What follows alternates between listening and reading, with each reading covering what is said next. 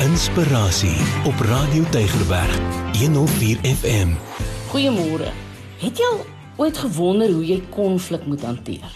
Ja, kyk party mense hoor net die woord dan begin hulle al dink aan wegkruip. Ander is weer altyd gereed vir 'n gestryery, solank hulle net kan wen. Meeste vergeet dat konflik 'n normale deel van die lewe is. Wat daar mense is, sal daar verskillende opinies oor dinge wees. Dis mos maar eintlik al wat konflik is.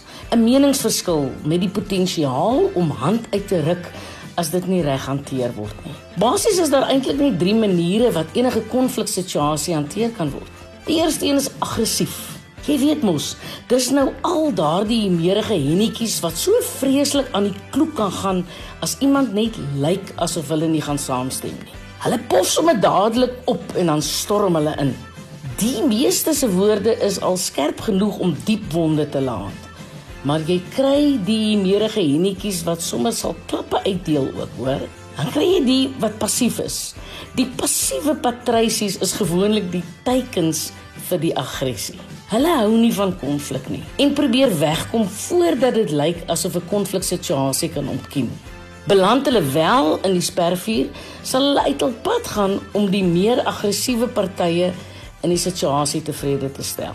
In so 'n mate dat hulle selfs goed sal doen waarmee hulle eintlik glad nie sal saamstem nie. En dan derdens kry jy hulle wat selfgeldend is.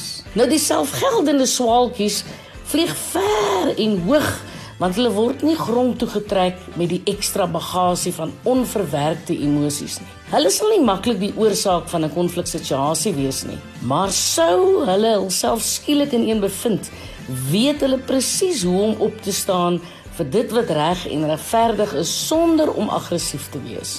Hulle het ook van die lewe se grootste geheime ontdek en dis om nooit in nuttelose argumente betrokke te raak nie. Dit vat nie tyd en energie wat eener gebruik kan word om groter hoogtes te bereik.